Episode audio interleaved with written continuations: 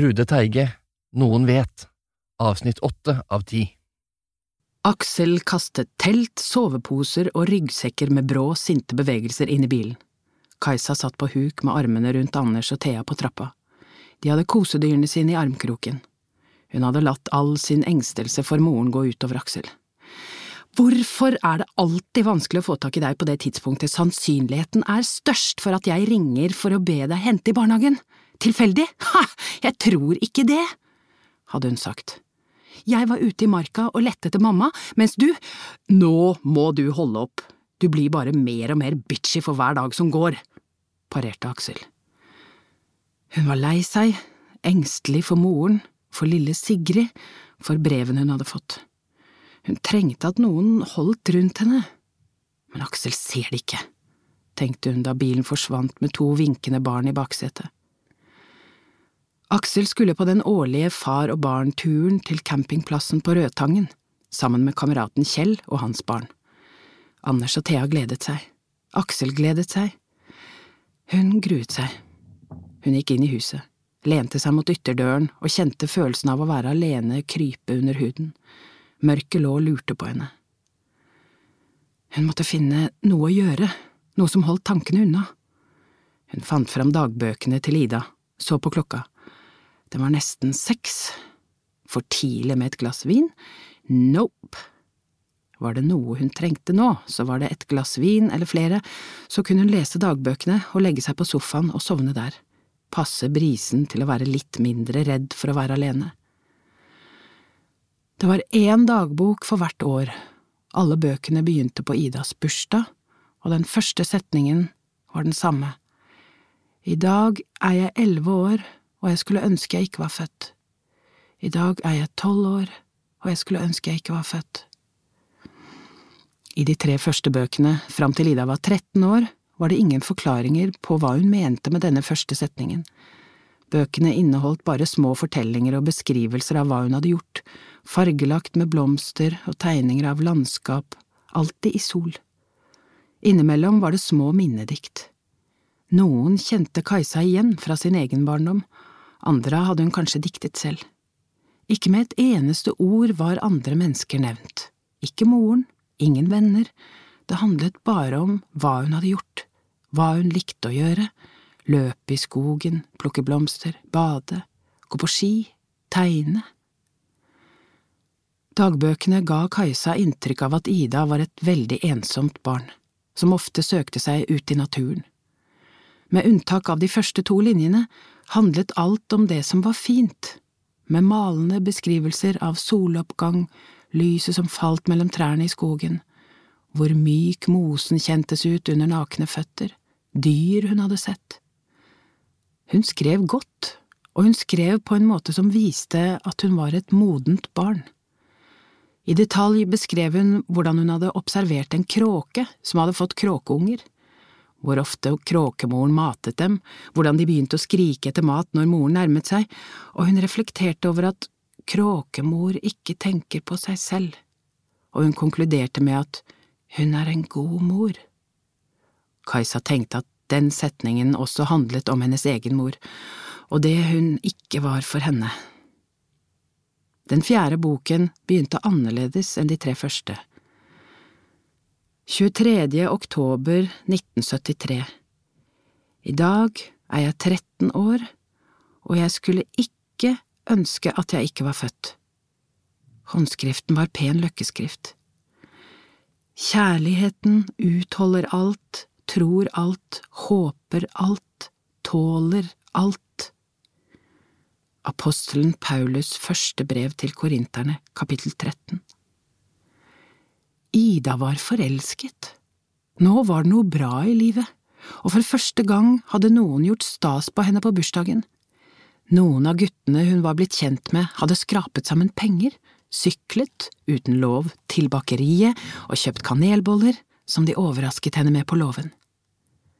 Han ville ikke innrømme det, men det var Arvid som hadde ordnet det, det var hun sikker på, for det var bare ham hun hadde fortalt det til.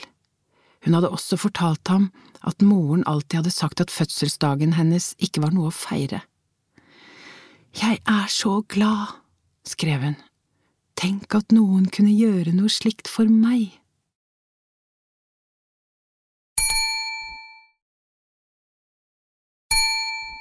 Litt lenger ute skrev hun at Arvid var syk og lå på kammerset.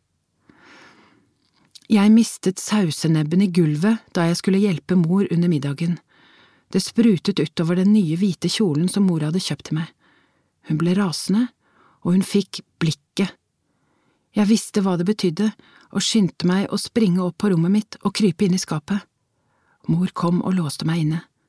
Jeg vet ikke hvor lenge jeg var der, men senere hørte jeg noen som hvisket navnet mitt. Jeg svarte ikke, men det var Arvid, og han hørte meg, han låste opp døren. Jeg ville ikke at han skulle se meg der. Han ble veldig forskrekket og ville dra meg ut av skapet.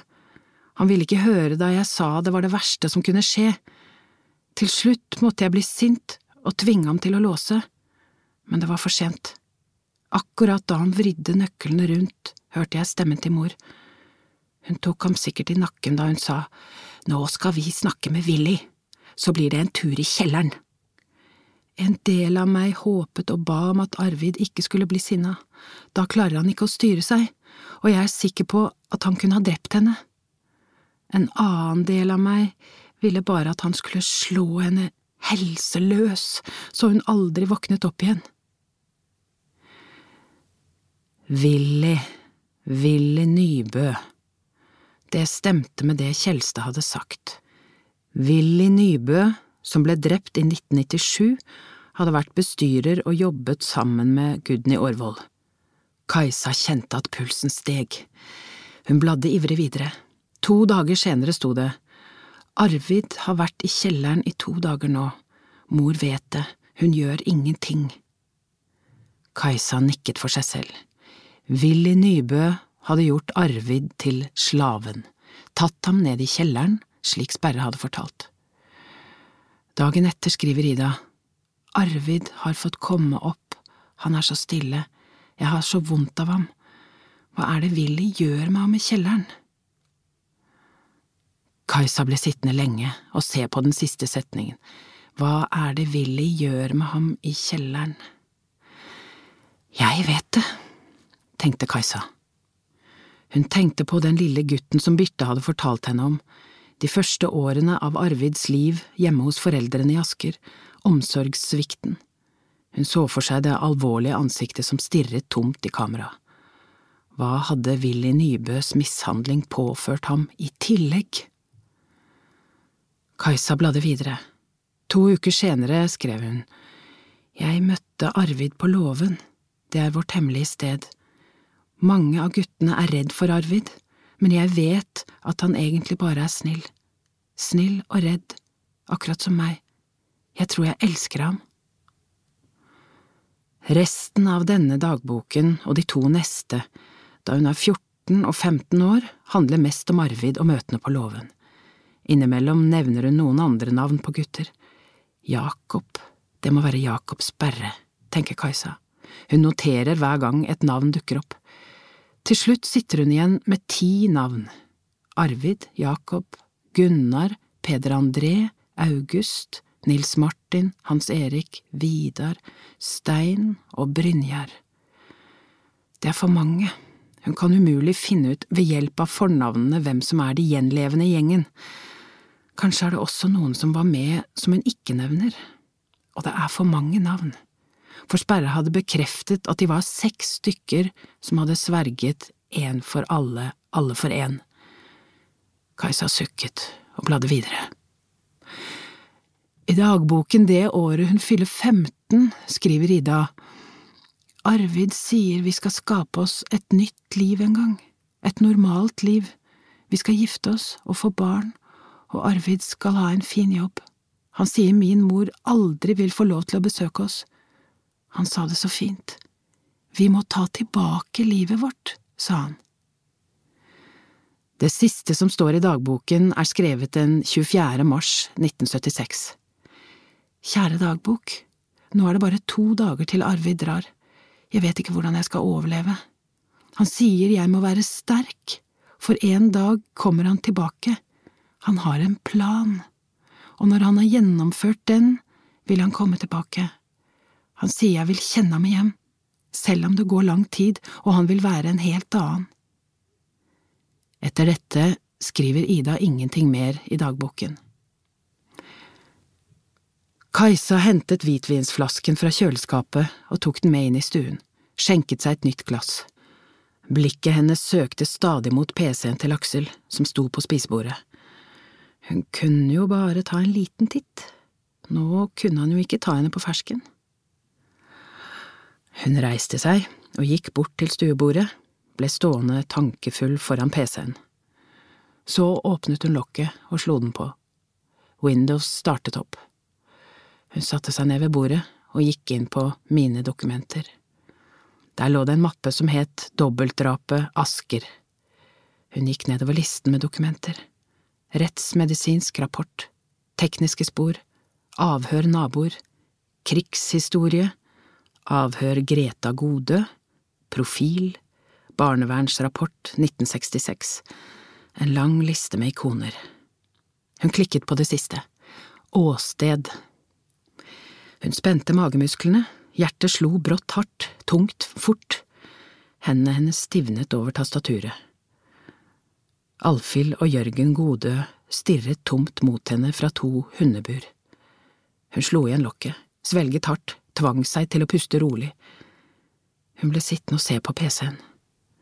Pust inn, pust ut. Rolig, rolig. Det var noe i bildet som plaget henne. Hun visste ikke hva det var, hun hadde ikke sett på det mer enn i toppen fem sekunder. Hun reiste seg, gikk over gulvet, hentet vinglasset på salongbordet, tok en stor støyt.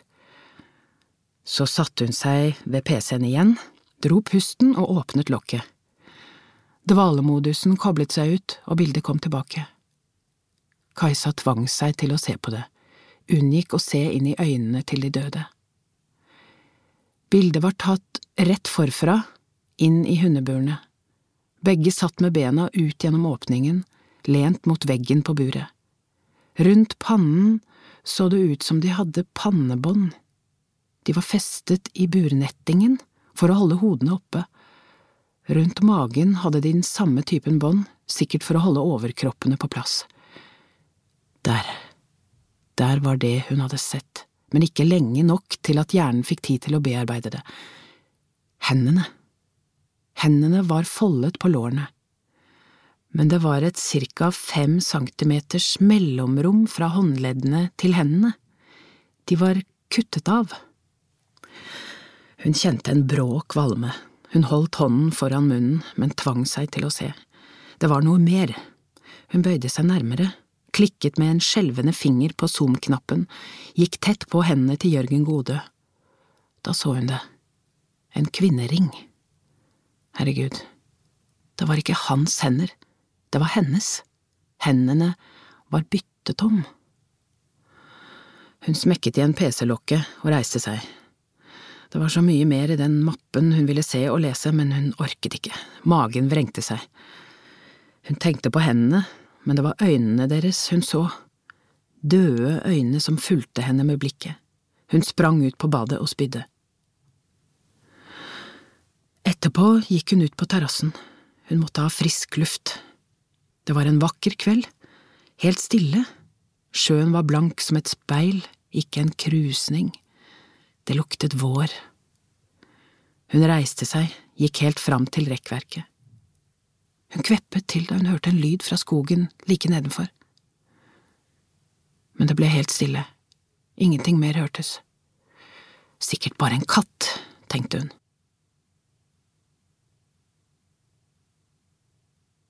Han var akkurat på vei mot terrassen da han hørte en lyd. Raskt trakk han seg tilbake, huket seg ned. Han bannet inni seg da han tråkket på en kvist. Hun stilte seg ved rekkverket og myste i hans retning. Han hadde ikke til hensikt å gjennomføre planen denne kvelden, men da han hadde sett mannen laste bilen full med utstyr og kjøre av gårde med barna, hadde han tatt en rask avgjørelse. Han hadde ordnet med alt for lengst, så det kunne like gjerne bli nå. Det var perfekt. Han hadde lenge tenkt at han skulle kjøpe et hus, og hadde begynt å følge med på boligannonsene. Han ville ha et hus med stor hage, som forandret seg med årstidene, med blomster, frukttrær og bærbusker, klatreroser langs veggen, stor plen, overbygd terrasse. Han visste med en gang han var på visning, at huset passet perfekt, ikke minst fordi familien som hadde bodd der, hadde latt hvitevarene og noen møbler stå igjen. De skulle flytte utenlands. Det var bare to dager siden han fikk nøklene.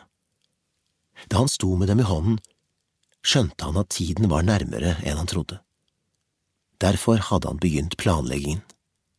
Nå var alt klart. De siste innkjøpene hadde han faktisk gjort så sent som samme dag.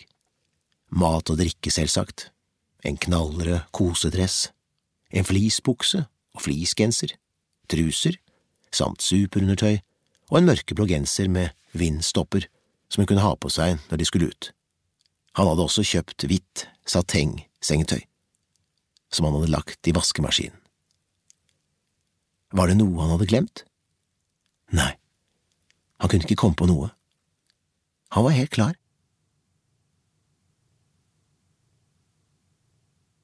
Jeg er en pyse, tenkte Kajsa, men hun gikk inn og låste terrassedøren. Ta deg sammen, det var bare en katt. Hun satte seg i sofaen, slo på TV-en, prøvde å ikke tenke på bildet på PC-en til Aksel, men de døde øynene så fremdeles på henne. Hun tok fram arket hun hadde notert guttenavnene på. Ti helt alminnelige norske guttenavn. Seks av dem var de som hadde vært med i den harde kjernen, gjengen. Hvem av dem? Hva var det Sperre hadde sagt? At de fire som fremdeles var i live, hadde kontakt den dag i dag. Hvem var de? Møttes de? Når? Hvor? Hun førte fingeren nedover listen. Kjente hun noen med disse navnene? Fingeren hennes stanset ved ett navn. Vidar. Hun kjente bare én som het Vidar. Vidar Kvande. Kunne han være barnehjemsbarn? Meget mulig. Det ville forklare mangelen på informasjon om hva han hadde gjort før han plutselig dukket opp, som en rakett på finansverdenens kjendishimmel, og det forklarte hans interesse for barnehjemssaken. Hun reiste seg tankefull og gikk bort til vinduet. Mørket presset seg mot ruten. Hun strakte hals for å se om det var noen hjemme hos naboene, men hun kunne bare se vinduene i andre etasje. Da var det helt mørkt. Uroen i henne vokste, huset ble tommere, mørket mer påtrengende ved tanken på at det ikke var noen mennesker i de andre husene rundt henne heller. Hun ville føle seg bedre dersom naboene var hjemme. Jeg har ikke hentet posten, tenkte hun. Jeg kan gjøre det nå, se hvem av naboene som er hjemme, kjenne at det er folk i nærheten. Hun åpnet ytterdøren og så at det hadde begynt å regne. Hun tok på seg regnkåpen og småløp de 50 meterne bort til postkassen. Mens hun løp, kikket hun mot husene og registrerte at ingen var hjemme hos de to nærmeste naboene, rett over hekken og på den andre siden av veien. Enda hun bare småløp, kjente hun seg andpusten. Det prikket lett i fingrene da hun åpnet postboksen, og hun følte en veldig ulyst mot å gå tilbake til det tomme huset. Det eldre paret i huset nærmest postkassene var tydeligvis hjemme. De hadde selskap, hun kunne se festkledde mennesker der inne, et par stearinlys brant i vinduet. Det fikk henne til å føle seg bedre. Du har ingenting å være redd for, du er bare mørkredd, det er ikke farlig, tenkte hun mens hun småsprang tilbake. Hun bladde fort gjennom posten i gangen. Et brev til henne. Uten adresse, uten frimerke, lagt i postkassen. Hjertet dunket hardt. Et nytt brev. Pust rolig, pust rolig. Sånn, ja. Det er bare et brev, det trenger ikke å være fra den samme som sist. Hun skalv sånn på hendene at hun hadde problemer med å åpne konvolutten. Bena kjentes veike. Hun lente seg mot ytterdøren. Sakte seg hun ned på gulvet. Ved synet av ordene på arket inni begynte hendene å skjelve så hun mistet arket ned på gulvet. Det ble liggende med teksten opp. Du har funnet meg. Eternity. Hun var redd som et lite barn og kjente at hun ville gi seg over og gråte av frykt, slik barn gjør, slik voksne ikke gjør. Synet av ekteparet i hundeburene kom tilbake, de døde øynene så på henne. Er brevet fra den som gjorde det mot dem? Drapsmannen? Jeg må ringe Aksel. Nei, ikke Aksel. Jeg kan ikke uroe ham, ødelegge turen han og barna har gledet seg sånn til. Dessuten var Aksel sur, hun hadde forbannet seg på at hun ikke skulle ringe ham og late som ingenting. Hun tok opp arket. Hva mener han med at jeg har funnet ham? Hvem er han? Det må være noen jeg kjenner, noen jeg har møtt, noen som kjenner meg. Eternity, parfymen min. Hvordan vet han hvilken parfyme jeg bruker? Har han vært så nær meg? Hun klarte ikke å tenke. Redselen var totalt lammende. Hun krøllet arket hardt sammen til en liten ball, stakk det i lommen på regnkåpen. Hvor er mobilen? Jeg må ringe noen. Hun reiste seg, tok av seg kåpen og hengte den på knaggen. Hvem er det fra? Du har funnet meg. Hvem har jeg funnet? Hva er det jeg ikke har forstått? Hvem er det jeg ikke ser?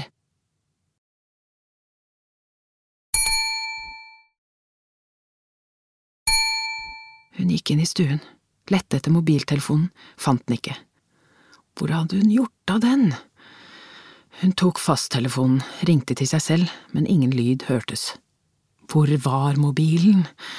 Hun raste rundt og lette, i gangen, på kjøkkenet, på doen. Hun fant den ikke. Panikken var i ferd med å overmanne henne. Den måtte være satt på stillemodus, eller kanskje den var utladet. Hun satte seg tungt i sofaen, grep fjernkontrollen og fant et reiseprogram på en av de utenlandske kanalene, akkurat det hun trengte for å roe ned pulsen. Vinflasken var tom, hun hentet en ny på kjøkkenet, kjente seg ustø da hun gikk tilbake til sofaen. Det gjorde ingenting, det var ingen som så henne, ingen Aksel, ingen barn, bare henne. Det er ikke farlig, jeg er trygg her i mitt eget hjem. I morgen ville alt være annerledes. Hun drakk grådig av glasset, som om det skulle være vann. Hvem er han? Det er noen jeg kjenner. Hun så for seg bildene på Aksels pc. Er det han som har gjort det, som har kjent lukten av huden min? Hun slo av TV-en. Det ble stille og mørkt i stuen. Hun slo på igjen. Det var mindre ensomt når den sto på. Hun måtte sove. Det var sent. Hun skrudde lyden ned. Hun så øynene deres. Døde blikk så på henne. Hun ville ikke se øynene deres. Hun så for seg Aksel. Blikket hans var hardt, uforsonlig. Hun ville ikke se Aksels øyne sånn. Hun så for seg Karsten. Han smilte. Hun ville ringe Karsten. Nei, nummeret hans lå på mobilen. I morgen ville hun finne mobilen. I morgen ville hun ringe Karsten. Hun måtte gi ham brevet. Nei, hun ville ikke tenke på brevet. Hun så Karstens varme øyne. Det hjalp. I morgen skal jeg ringe Karsten. Hun la seg over på siden. TV-skjermen lyste opp rommet. Jørgen har fått Alfhilds hender. Det er det som er budskapet. Jørgen har fått Alfhilds hardhendte hender, tenkte hun. Hvordan vet han hvilken parfyme jeg bruker? Han har vært helt inntil meg, han har kjent duften fra huden min. Hun begynte å gråte. Det var som om hun la alt til rette for ham. Da hun gikk inn fra terrassen, snek han seg rundt hushjørnet og tittet inn gjennom kjøkkenvinduet. Han så at hun hentet en flaske vin og gikk tilbake til stuen. Han ble stående og tenke. Like etterpå kom hun plutselig ut. Han presset seg inn i kroken ved trappa og så henne småspringe bortover veien. Han tenkte seg om i noen sekunder, sjekket at han hadde det han trengte i lommen. Flaks at han allerede hadde planlagt alt. Raskt sprang han opp de få trinnene og kjente på døren. Ikke låst. Han smøg seg inn og passet på å lukke døren godt etter seg. Boden i kjelleren var perfekt. Den gikk i en vinkel, og innerst langs hele kortveggen var det et klesstativ fullt med klær, som han kunne krype inn bak. Han hadde forsiktig sjekket de andre rommene i kjelleren, og funnet ut at soverommene måtte være i andre etasje. Her nede var en stor kjellerstue, et slags arbeidsrom i tilknytning til utgangen til garasjen, og det som så ut til å kunne være et gjesterom, samt denne boden. Det betydde trolig at hun ikke ville komme hit ned i løpet av kvelden. Han satte seg ned på gulvet og ventet. Han var god til å sitte stille og vente i mørket. Da klokken var to, gikk han ut i gangen, liste seg opp trappa, det kom ikke en lyd fram, og kikket over kanten til stuen. Han la merke til at stearinlysene som hadde vært tent da han kom, nå var blåst ut. Downlightene langs de store vinduene ut mot terrassen var fremdeles på, men på lav styrke. TV-skjermen lyste opp rommet med et blafrende lys. Hadde hun glemt å slå av TV-en? Han listet seg videre opp trappa. Da han var kommet halvveis, registrerte han en bevegelse i sofaen, og frøs fast med det ene benet løftet mot neste trappetrinn. Så ble det stille igjen. Hun lå på sofaen og sov. Han ble stående stille et minutt eller to, for å være sikker på at hun ikke var våken. Mens han satt i boden, hadde han gjort klart en liten brun flaske og en klut i lommen. Nå helte han litt av innholdet på kluten, gikk over gulvet mot sofaen, passet på å tråkke på teppene for å lage minst mulig lyd. Stille grep han en pute, la hånden med kluten under puten og trykket den mot ansiktet hennes.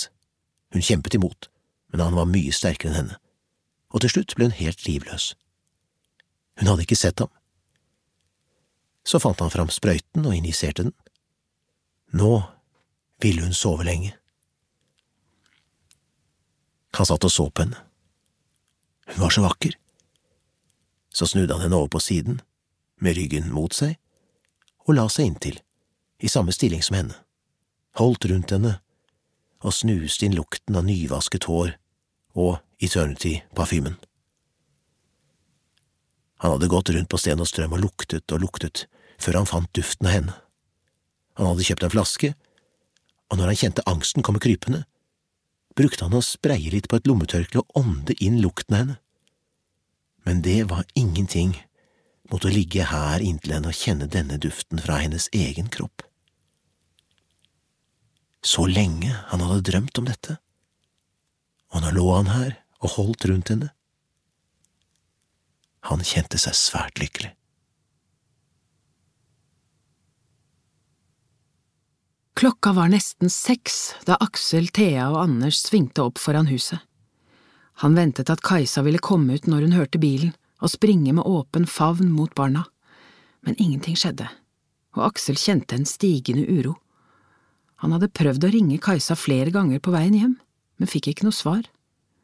Da hun heller ikke kom ut og tok imot dem, kjente han at irritasjonen ble til engstelse. Det var helt ulikt henne. Han tok trappa i to byks. Døren var ulåst. Han sukket lettet og ropte Kajsa! Ikke noe svar. Han gikk inn i stuen. Ingen. Kajsa! ropte han enda høyere opp trappa mot andre etasje. Anders og Thea sto i døren og så på ham. Thea hadde puttet tommelen i munnen. Hvor er mamma? spurte Anders. Nei, jeg, jeg vet ikke, hun er ikke her, hun kommer nok snart, svarte han og gjorde stemmen ubekymret. Han hjalp dem av med tøyet. Nå begynner barne-TV, sa han lett, og de gikk og satte seg i sofaen. Det var da han la merke til at det sto et vinglass og en tom flaske på bordet. Hun ville aldri la en tom vinflaske bli stående på bordet til neste dag, hun ryddet alltid før hun la seg. Han tenkte febrilsk, hvor kunne hun være? Han ringte moren hennes, der var hun ikke, hun hadde ikke sett henne siden fredag. Kanskje hun var en tur hos Hanne, venninnen borti veien? Nei, Hanne hadde ikke sett Kajsa på flere uker. Så kom han til å tenke på at hun kunne være kalt ut på jobb. Jo, sånn måtte det være, Han ringte Kanal 4 og snakket med vaktsjefen. Nei, det hadde ikke skjedd en damned shit, svarte han. Kajsa hadde ikke vært på jobb siden fredag. Kanskje hun var ute og løp, kanskje noe hadde skjedd henne. Hun kunne ligge skadet i skogen, uten mobiltelefonen, eller med flatt batteri, kanskje det ikke var dekning. Han sprang ned i kjelleren til rommet bak garasjen. Nei, ikke det heller. Treningstøyet hang på en krok, de nye løpeskoene sto pent oppstilt mot veggen. Jeg er sulten, ropte Thea fra stuen. Jeg også, istemte Anders. Aksel fant fram en pose tomatsuppe, kokte egg og makaroni, hentet hvitløkbagetter i fryseren og la dem i ovnen. Hele tiden skottet han på klokka på kjøkkenveggen. Dette var helt ulikt henne.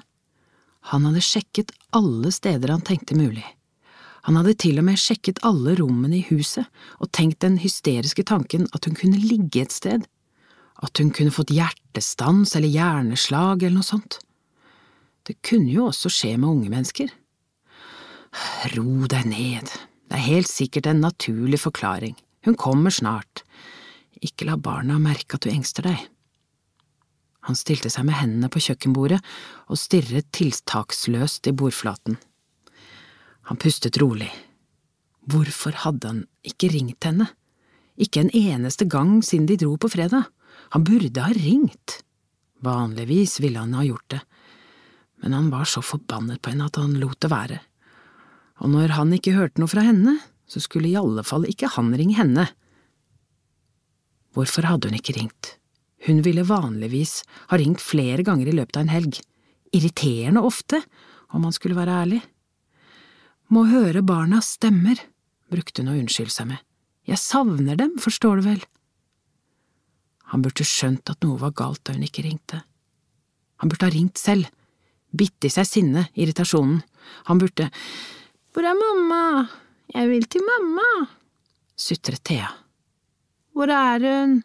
repeterte Anders. Hvorfor er hun ikke her når vi kommer hjem? Det vet vel ikke jeg, svarte Aksel irritert, før han besinnet seg. Hun kommer nok snart nå, sa han beroligende. Kanskje hun har flyttet, sa Anders. Flyttet? Er du tullerusk, hun har vel ikke flyttet? svarte faren og rusket ham i håret. Jeg hørte hun sa det til deg, at en dag kom hun til å flytte? Aksel så på sønnen, øynene hans var redde. Han hadde hørt dem krangle. Det stakk i Aksel, og han dro Anders inntil seg. Av og til sier også voksne dumme ting som de ikke mener, sa han. Med seg selv tenkte han, har hun flyttet mens vi var borte? Det kan hun ikke ha gjort. Han slo tanken fra seg, hun ville i det minste ha sagt ifra ville hun ikke. Han gikk likevel opp på soverommet og sjekket skapet hennes. Han kunne ikke se at noe var borte. Han sjekket skapet i gangen, der han kåper og jakker, støvletter og sko sto der de brukte å stå. Han prøvde å finne ut om det var noe som manglet, men det var helt umulig. Hun hadde så mye klær og ulike typer fottøy at han ga opp. Barna nektet å legge seg før mamma kom. Til slutt måtte han ty til en hvit løgn om at han hadde snakket med henne, og at hun var på jobb. Hun var nok veldig opptatt, det var derfor hun ikke hadde ringt, og nei, de kunne ikke ringe henne, hun hadde det altfor travelt. Han lot Anders og Thea få lov til å sove i dobbeltsenga. Mamma kommer ikke hjem før om noen dager, hadde han sagt. Thea sovnet ganske fort. Det hadde vært en helg med mye aktiviteter og frisk luft, men Anders snudde demonstrativt ryggen mot ham da han skulle si god natt. Aksel satte seg på sengekanten, strøk ham over håret, spurte om han var lei seg, sa at han ikke skulle engste seg, mamma kom snart hjem. Men Anders sa bare at han kunne gå, det gikk bra, han ville sove, han var trøtt. Aksel kunne høre på stemmen hans at han var på gråten.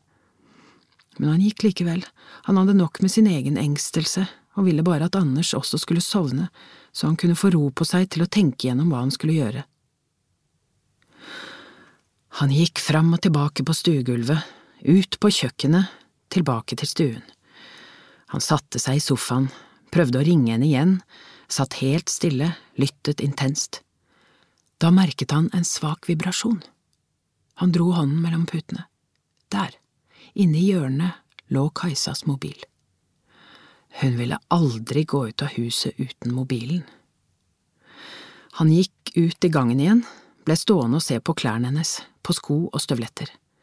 Var det noe som manglet? Hvor var de nye vårskoene hun hadde vist ham forrige helg? Han lette, men fant dem ikke. Han lette seg mot kommoden. Hun hadde de nye skoene på. Hun var ute, uten mobilen. Det stemte ikke. Han lente seg mot kommoden, ble oppmerksom på en konvolutt som lå på gulvet mellom skoene og veggen. Det sto bare navnet til Kajsa på den, ikke noe frimerke. Hun hadde fått et brev til. Konvolutten var tom. Han dyttet skoene til siden, sjekket kommoden, på stolen, føk inn på kjøkkenet, lette over alt etter det som hadde vært inni, men fant ingenting. Engstelsen krøp som en maur opp etter ryggraden, han så på klokka. Ti. Han måtte snakke med noen, han holdt ikke ut lenger. Karsten Kjølås svarte med en gang. Ordene bare rant ut av Aksel. Ro deg ned, Aksel. Trekk pusten, og prøv å snakke rolig. Er Kajsa borte? Hvordan borte? Ta det fra begynnelsen igjen. Etter en kort stund avbrøt Karsten ham igjen. Jeg kommer med en gang. 20 minutter senere satt de ved kjøkkenbordet. Aksel viste Karsten konvolutten. Kan det være fra den samme? spurte han. Kanskje. Han la den i en plastpose. Vi sender den til undersøkelse. Men hvis det er fra den samme avsenderen som sist, så er det neppe spor på den. Uansett trenger den ikke ha noe med Kajsas forsvinning å gjøre. Kajsas forsvinning, gjentok Aksel sakte. Det er det det er. Du tror hun er forsvunnet? Karsten nølte. Har Kajsa noen… Beklager å spørre deg om dette, men du vet jeg må. Har Kajsa noen grunn til å dra? Hva mener du? Kan hun ha reist sin vei? Forlatt meg, mener du? Nei, nå må du gi det. Aksel reiste seg sint. Jeg må spørre, har hun eh, vært deprimert? Selvmord? Ikke Kajsa. Hun er borte, Karsten. Hun har fått enda et brev, kanskje fra drapsmannen. Hun har da for helvete ikke forsvunnet ved egen fri vilje, det må du da forstå! Karsten svarte ikke. Vel, sa han til slutt, kan jeg se meg rundt? Aksel bare nikket. Karsten begynte med å sjekke alle dørene, alle vinduene. Inngangsdøren var åpen da du kom hjem? Aksel nikket igjen. Ingen tegn på at noen har brutt seg inn noe sted, konkluderte Karsten. Hva annet la du merke til? Hva var det første du tenkte da du kom inn i stuen? Det sto et glass og en tom vinflaske på bordet. Hvor? Aksel pekte på bordet. Karsten satte seg i sofaen. Han bøyde seg ned, snuste i luften, tok en pute som lå der, og holdt den opp til nesen. Hva er den lukten? spurte han og rakte Aksel puten. Aksel luktet på puten. Han ble helt hvit i ansiktet. Eter! Herregud, noen har bedøvet henne, noen… Aksel støttet seg mot bordet og seg langsomt ned i sofaen. Karsten tok fram mobiltelefonen. Kan du komme med en gang? Spurte han. Ja, det haster.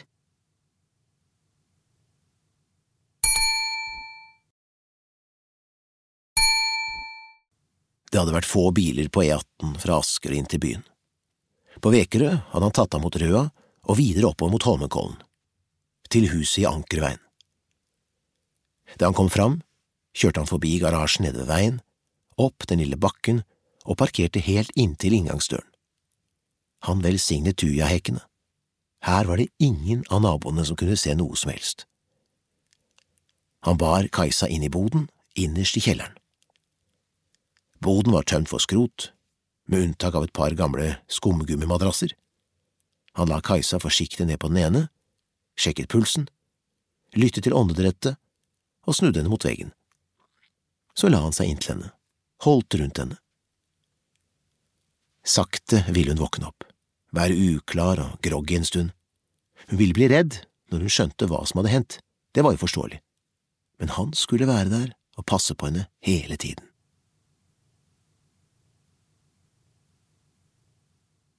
Hele natten hadde Aksel ligget og lyttet til etterforskerne som romsterte rundt i huset. Han hadde ikke sovet et eneste sekund. Han lå i midten av dobbeltsenga med en hånd på hvert barn, av og til strøk han forsiktig over de varme ryggene med fingertuppene, lyttet til pusten deres. Anders var urolig og snakket i søvne, men han forsto ikke noe av det han sa. Både Anders og Thea brukte å komme opp i senga hver eneste natt. Han mislikte det sterkt, det ble trangt, han våknet, og ofte tuslet han irritert inn på et av barnerommene for å få sove igjen, forvist fra sin egen seng. Det hadde begynt da Anders var baby. Han hadde hatt vanskelig for å roe seg om kvelden, han ville ikke sove. Kajsa klarte ikke å høre ham gråte, hun var inn og ut av barnerommet hele tiden. Det var jo ikke mulig for Anders å roe seg, slik som hun forstyrret ham. Han mente de burde følge rådet fra helsesøsteren om å la ham skrike til han skjønte at slaget var tapt, og at han like godt kunne legge seg til å sove. Men hun hadde ikke hørt på ham. Anders våknet dessuten mange ganger hver natt. Da var Kajsa der, selvsagt, og tok ham opp av senga og inn i dobbeltsenga. Du lærer ham at bare han gråter så får han det som han vil, hadde han sagt, men hun ville ikke høre. Da Thea ble født, gjorde hun det samme med henne, enda hun ikke hadde de samme problemene med å sovne. Bare et lite klynk fra henne om natten, så var Kajsa der og hentet henne inn til seg. Da var allerede Anders der, vant som han var blitt til å stå opp og finne veien selv. Han og Kajsa hadde hatt mange krangler om dette, hun nektet å si til barna at de ikke er ønsket, som hun uttrykte det. Så det ble som hun ville, han fant seg i det for husfredens skyld, slik han fant seg i så mye fordi Kajsa ville ha det slik. Nå følte han at han måtte ha disse to kroppene hos seg for ikke å bryte sammen. For deres skyld måtte han være sterk, men han ante ikke hvordan.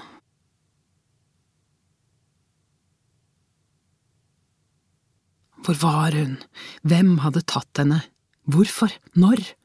Hvorfor hadde han ikke ringt hjem i løpet av helgen? Hvis han hadde ringt og ikke fått tak i henne, ville han forstått at noe var galt, han ville ha reist hjem, ringt noen. Hadde det skjedd allerede fredag? Hadde han gitt den som hadde bortført henne, to dagers forsprang? Det er min skyld, min skyld, hvis jeg bare… Er hun død? Tankene ga ham ingen fred. Han strøk og strøk over de to barneryggene. Klokka sju hørte han inngangsdøren slå igjen, og det ble helt stille. Han hadde sagt ifra kvelden i forveien at han ikke ville ha noen etterforskere inne i huset om morgenen for at Anders og Thea ikke skulle merke noe. Han sto opp og gikk i dusjen, ble stående helt til vannet var iskaldt. Da han kom ned i stuen, hadde Anders og Thea stått opp. De hadde satt seg i sofaen framfor TV-en. Dere vet at dere… begynte han med sint stemme. Så tok han seg i det. Det er ikke lov å se på TV før frokost, sa han og løftet Thea opp og gikk ut på kjøkkenet. Hun buktet og bennet seg i armene hans. Jeg vil se på TV! protesterte hun. Aksel lot som han ikke hørte. Anders fulgte etter og satte seg uten protester ved kjøkkenbordet. Nå skal vi spise frokost, hva vil dere ha? spurte han og satte Thea hardt ned på tripptrappstolen. Hun reiste seg rasende, helt rød i fjeset. Jeg vil ikke ha frokost! ropte hun. Sett deg ned! brølte Aksel. Thea satte i å ildskrike. Sett deg ned, så skal du få frokost, sa Aksel med normal stemme, men han dyttet henne hardt ned igjen på stolen. Thea ble sittende, hun gned seg i begge øynene og ulte. I det samme ringte det på døren. Utenfor sto Karsten med en stor kasse i armene. Hei, hvordan går det? sa han og så mot kjøkkenet. Aksel slo oppgitt ut med armen og bød ham inn. Karsten gikk inn i stuen og satte kassen fra seg på spisebordet. Han ble stående i døren inn til kjøkkenet og se på at Aksel laget frokost til barna.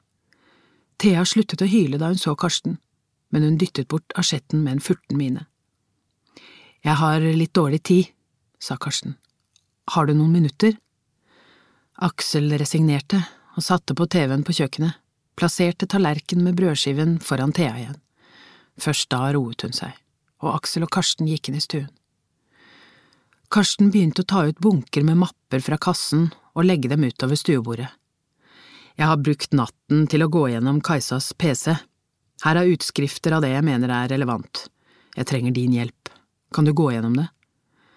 Ja, svarte Aksel. Det er fint å ha noe å gjøre. Har du noen som… som kan hjelpe deg? Til hva da? spurte Aksel tvert. Aksel, ja, ja, ja, jeg vet det, men jeg trenger ingen å snakke med, det er bedre å jobbe, gjøre noe nyttig. Jo, men du kan ha behov for hjelp til det praktiske, barna, ringe rundt til familien. Aksel strøk fingrene gjennom det våte håret. Ja, jeg vet det, jeg skal ringe. Det er bare et tidsspørsmål før saken sprekker i media, sa Karsten. Kanal 4 vet allerede, jeg har snakket med Geir Hermansen. Kjenner jeg ham rett, kommer de til å kjøre saken allerede i kveld. De vil naturligvis være først. Gribber, sa Aksel hardt. Jo jo, men sånn er det. Da Karsten hadde dratt, satte Aksel seg tungt ned på stolen og så utover bordet med alle mappene. Fantes svaret i disse bunkene med papir? Han reiste seg med tunge bevegelser.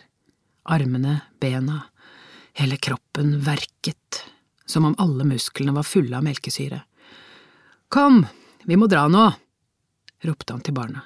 Jeg vil ikke barnehagen, svarte Thea trassig. Det fortsatte på samme måten. Thea ville ikke ha på seg klærne han hadde funnet fram.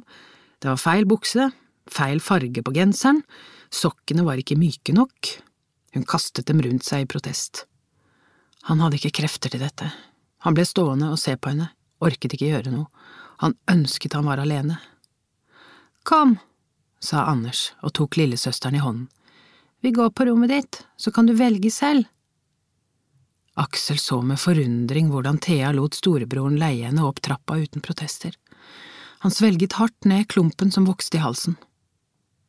Fem minutter senere kom de tilbake. Thea hadde på seg en av sine fineste kjoler, som absolutt ikke egnet seg til å gå i barnehagen med, men Aksel lot som ingenting. I barnehagen ble Thea helt umulig igjen. Klokka var to minutter på halv ni, og Anders ville bli for sent på skolen. Han hadde tenkt å snakke med barnehagestyreren, innvie henne i situasjonen, men nå løp tiden fra ham, han fikk ringe senere. Aksel svettet på overleppen. Han var våt på ryggen da han småsprang mot bilen, akkompagnert av hylene til Thea som ble holdt fast av en av de voksne i døren. Han hadde måttet rive seg løs fra henne. Du må tute, sa Anders. Tute? Ja, mamma tuter alltid når hun kjører fra barnehagen. Tuter hun? Han så forundret på Anders idet han svingte ut fra parkeringsplassen. Ja, du må tute nå! Tute og vinke! Aksel snudde seg og så Thea stå i døren, rød i ansiktet, men hun vinket iallfall. Han vinket tilbake og tutet.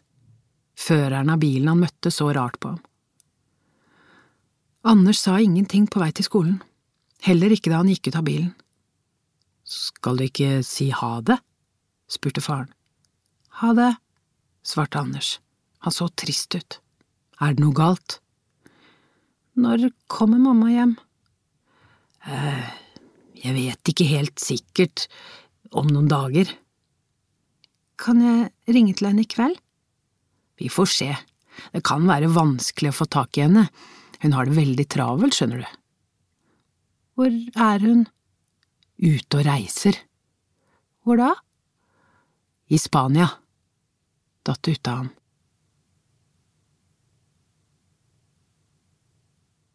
Han hadde ikke latt henne slippe ut av rommet i kjelleren hele helgen. Han måtte forberede henne. Han ville ikke at hun skulle være redd, men det var nødvendig. Han hadde sittet hos henne mens hun våknet opp, sett hvordan det begynte å rykke i øynene, hun blunket mot lyset. Sakte begynte hun å fokusere.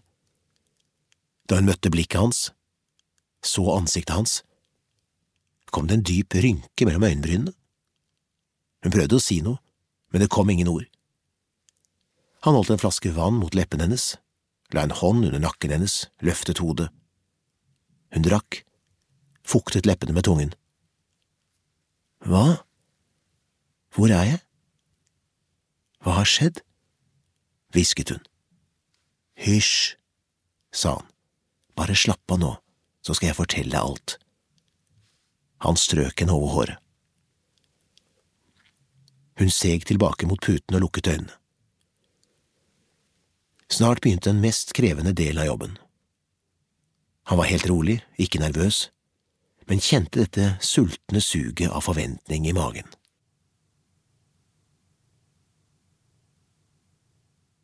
Da Aksel kom hjem etter å ha levert Thea i barnehagen og Anders på skolen, ble han stående apatisk lent over papirene på stuebordet.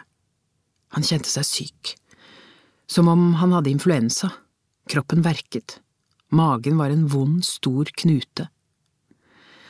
Hadde Kajsa sånt strev med Thea hver morgen? Han visste ikke, hun hadde ikke sagt noe om det. Han kunne ikke huske sist han var den som fikk barna ut av huset om morgenen. Kajsa begynte senere enn ham på jobben, han dro før klokka sju, det var hun som sørget for å få barna til skole og barnehage.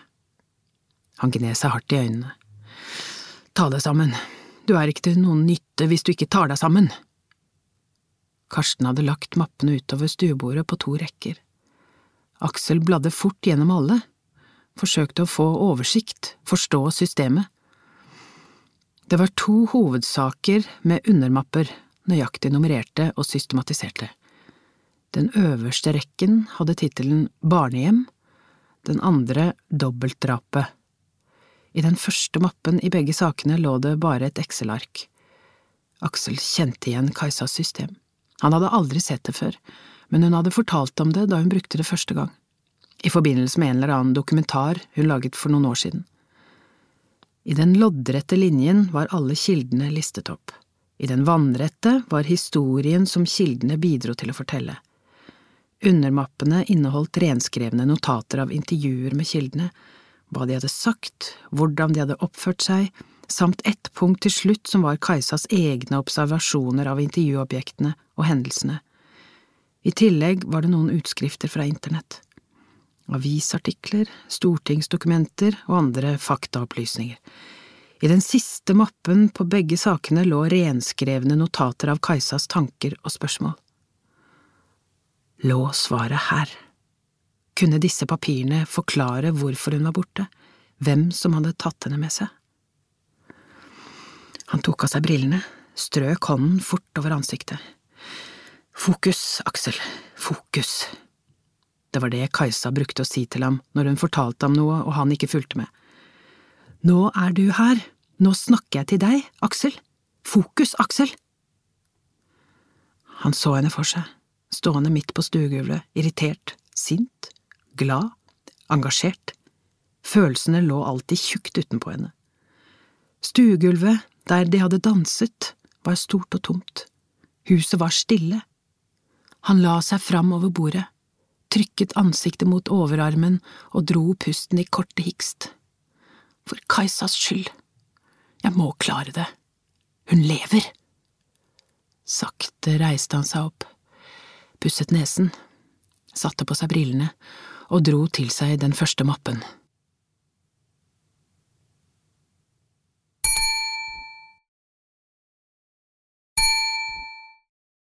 Øynene hennes var redde da hun skjønte hvor hun var hva som hadde skjedd. Hun krøp sammen på madrassen, holdt rundt seg, så forvirret og engstelig på ham. Hun åpnet munnen, men det kom ingen lyd ut. Han satt bare og så på henne. Det var jo ikke morsomt, ikke på noen måte, men han kunne ikke la være å smile, for det var perfekt. Det var akkurat som han hadde forutsett. Du, hadde hun hvisket til slutt. Ja, svarte han. Han hadde lest alt han kunne komme over på internett om Stockholm-syndromet. Hele helgen hadde han lekt Janne Olsson fra banken på Norrmalmstorg. Han var blitt aldeles fascinert da han hadde kommet over et gammelt opptak fra Sveriges Radio. Et av gislene som Olsson holdt inne i banken, var intervjuet på telefon. Hun forsikret lytterne om at alle gislene hadde det bra. Jeg stoler på disse guttene, sa hun med henvisning til Olsson og hans tidligere cellekompis Clark Olofsson, som han hadde krevd løslatt og ført til banken. Det er politiet jeg ikke stoler på.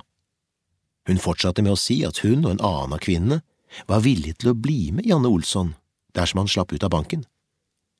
Jeg kunne reist hvor som helst i verden med ham, sa hun. Folk tror vi sitter livredde i en krok her inne og skjelver, men det er ikke sant. Vi prater hyggelig sammen, og i dag spilte vi et slag bondesjakk. Bondesjakk, tenk det. Det var fascinerende. Olsson hadde vært inne i banken i knapt seks døgn, og klart å få gislene til å føle sympati for ham. Ja, mer enn det. Han hadde fått dem til å vende seg mot politiet og myndighetene, og følt at de var under hans beskyttelse. Han var spent på om han ville klare det samme. Det mest fascinerende var at denne sympatien vokste fram til tross for at Olsson gikk rundt med sprengstoff på seg. Eller kanskje nettopp derfor, tenkte han. For i en avhandling om saken, skrevet av en kjent svensk psykiater, leste han at frykten for gisseltakeren fikk gislene ubevisst til å føle sympati for Olsson fordi de var avhengig av ham for å overleve. En av kvinnene hadde til og med forelsket seg i Olsson. Han gikk ikke til noen form for ytterligheter overfor Kajsa. Han truet henne ikke på noen måte. Han trodde det ville være nok å holde henne innestengt i den kalde boden uten vinduer. Han visste hvor redd man kunne bli av det. Det første døgnet lot han henne være mest mulig alene. Bare når hun skulle ha mat, var han inne hos henne. Hva vil du meg? Hvorfor er jeg her? spurte hun. Han smilte. Vi kommer til det. Vi skal snakke mye sammen, du og jeg, men ikke nå, svarte han. Men jeg… begynte hun. Hysj! Avbrøt han henne hardt, holdt opp en finger og så sint på henne. Da ble hun stille. Men da han kom inn til henne søndag morgen, for hun opp og fløy på ham. Hun hylte, klorte og slo, som en villkatt var hun. Han forholdt seg helt rolig, tok rundt håndleddene hennes, holdt henne fast, sa ingenting, bare stirret hardt på henne. Si hva du vil, jeg må vite. Så sank hun sammen i armene hans og gråt. Han tok tak rundt henne, låste armene hennes på ryggen og la henne ned på madrassen. Så la han seg ved siden av, klemte henne hardt inntil seg. Så, så, så, sa han. Hun gråt sårt. Bare gjør som jeg sier, så går det bra, sa han. Han ville jo ikke at hun skulle bryte sammen, at Kajsa skulle være så lei seg, men han var likevel glad for det, for det stemte med det han hadde lest. Hun var over i den fasen der hun skjønte at hun var avhengig av ham. Neste fase kom til å bli bedre. Han forlot henne, lot henne gråte alene, men han lot lyset stå på. Senere på kvelden gikk han igjen ned til henne. Si hva du vil med meg, sa hun. Da skjønte han at hun var på rett vei, og han lot henne få komme opp i stuen. Jeg må dusje, sa hun. Han hentet fram tøyet han hadde kjøpt til henne. Han var fornøyd med seg selv, han hadde tenkt på alt. Han lot henne bruke badet i underetasjen, der var det ingen vinduer. Han låste døren fra utsiden. Mens han ventet på at hun skulle bli ferdig, tente han på peisen og åpnet en flaske vin. Etterpå satt de i hver sin ende av den store sofaen. Flammene kastet gyllent skjær over ansiktene deres, skapte en varm og lun atmosfære. Hun satt der med vått hår, med bena opp i sofaen, i kosedressen han hadde kjøpt til henne. Valget hadde stått mellom en lilla og en rød. Han så det nå. Han hadde valgt rett. Rødt var definitivt hennes farge. Hun så ut som hans kvinne. De så ut som et vanlig par, en vanlig søndagskveld i et vanlig hjem i Holmenkollen. Da bestemte han seg for at tiden var inne og han begynte å fortelle historien om sitt liv.